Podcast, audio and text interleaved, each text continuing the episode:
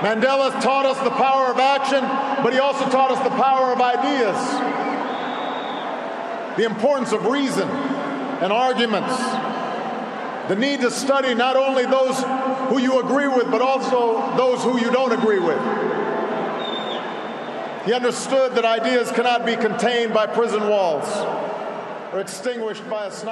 USAs president Barack Obama under minneseremonien for Nelson Mandela for to dager siden i Johannesburg. Denne og de andre talene ble tolket til tegnspråk.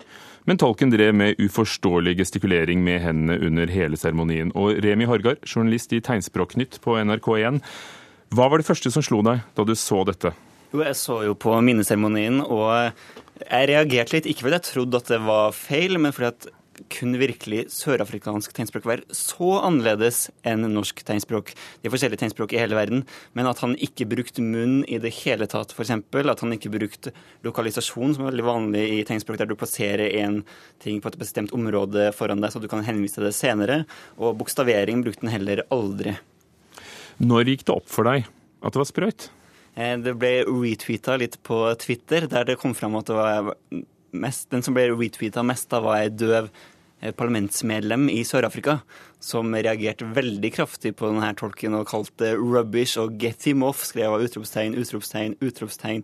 Og det spredte seg ganske fort på eh, de sosiale medier. Og dette har jo gått som en farsott eh, i alle medier de siste døgnene. Og så ligger det også en filmsnutt fra sørafrikansk fjernsyn, hvor vi både ser denne tolken på arrangementet og TV-tolken i en rute til venstre. Og der blir det jo ganske tydelig at det er to forskjellige disipliner? Ja, der er det veldig lett å se. Og da er det flere ganger du legger merke til at den eh, falske tolken han det gjør at han ikke sier noe i det hele tatt også. Og så gjentar han seg selv flere ganger. Han bruker den samme bevegelsen, som ikke betyr noe i det hele tatt, men han bare har funnet at det fungerer godt for han. Da. Så han gjør den bevegelsen om og om igjen. Hvilke reaksjoner har det vært eh, fra hørselshemmede og døve? I Norge så har det vært eh, litt med latter og oppgitthet, tror jeg. At det fremdeles kan være sånn. Her tror man at eh, når man først ser det på tirsdag, at wow, Sør-Afrika slår et slag for døve og putter tolke den helt fram i ruta, så alle kan se den. Men så var det bare tull og fanteri. Så det er litt skuffelse der, tror jeg.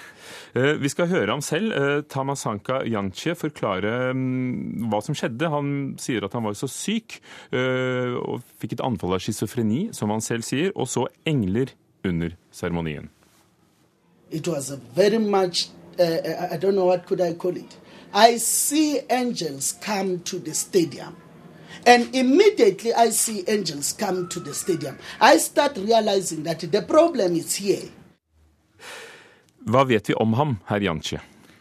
Eh, han har gitt flere intervjuer i løpet av det siste døgnet. Ja, vi vet jo fremdeles veldig lite om ham. Han har vært med i et, eh, en slags tolketjeneste, et firma, som eh, nå har forsvunnet. Det er umulig å finne noe mer info om de.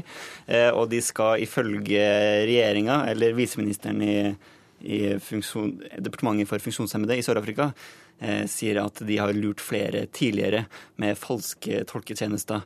Eh, så det er vel det meste vi vet om ham. Han hevder at han kan tegnspråk, og han sier at han er fornøyd med jobben han gjorde på Mandela-seremonien, sjøl om han også innrømmer at alt ble helt feil. Men han kan jo ikke ha lurt alle. Er det mulig at folk ikke har sagt ifra? Han sier også at han har aldri fått klage på sitt arbeid før, men det er jo ikke sant. Han har eh, også tolka for ANC, regjeringspartiet i Sør-Afrika, tidligere. Og han fikk klager på seg i fjor også, da han hadde tolka på flere regjeringsarrangement, fått klager fra eh, Døveforbundet i Sør-Afrika flere ganger. Så det er jo ikke helt sant. Eh, hvor forskjellig er de forskjellige landenes tegnspråk, bare for å få sagt noen ord om det? sånn at det er ikke helt opplagt at man forstår noe fra et annet land umiddelbart? Nei, det er det jo ikke. og Derfor trodde jeg jo at det bare var et veldig spesielt tegnspråk i Sør-Afrika først. Fordi det varierer jo fra land til land.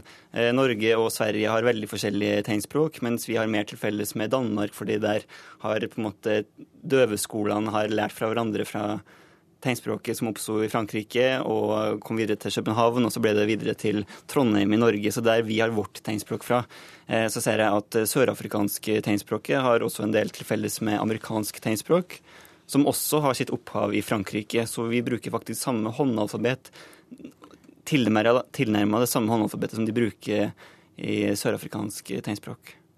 Og Remi Horgar, journalist i Tegnspråknytt på NRK1. Jeg regner med at uh, dette er en sak hos dere i kveld? Vi følger med det her hver dag, og det er veldig spennende, syns jeg.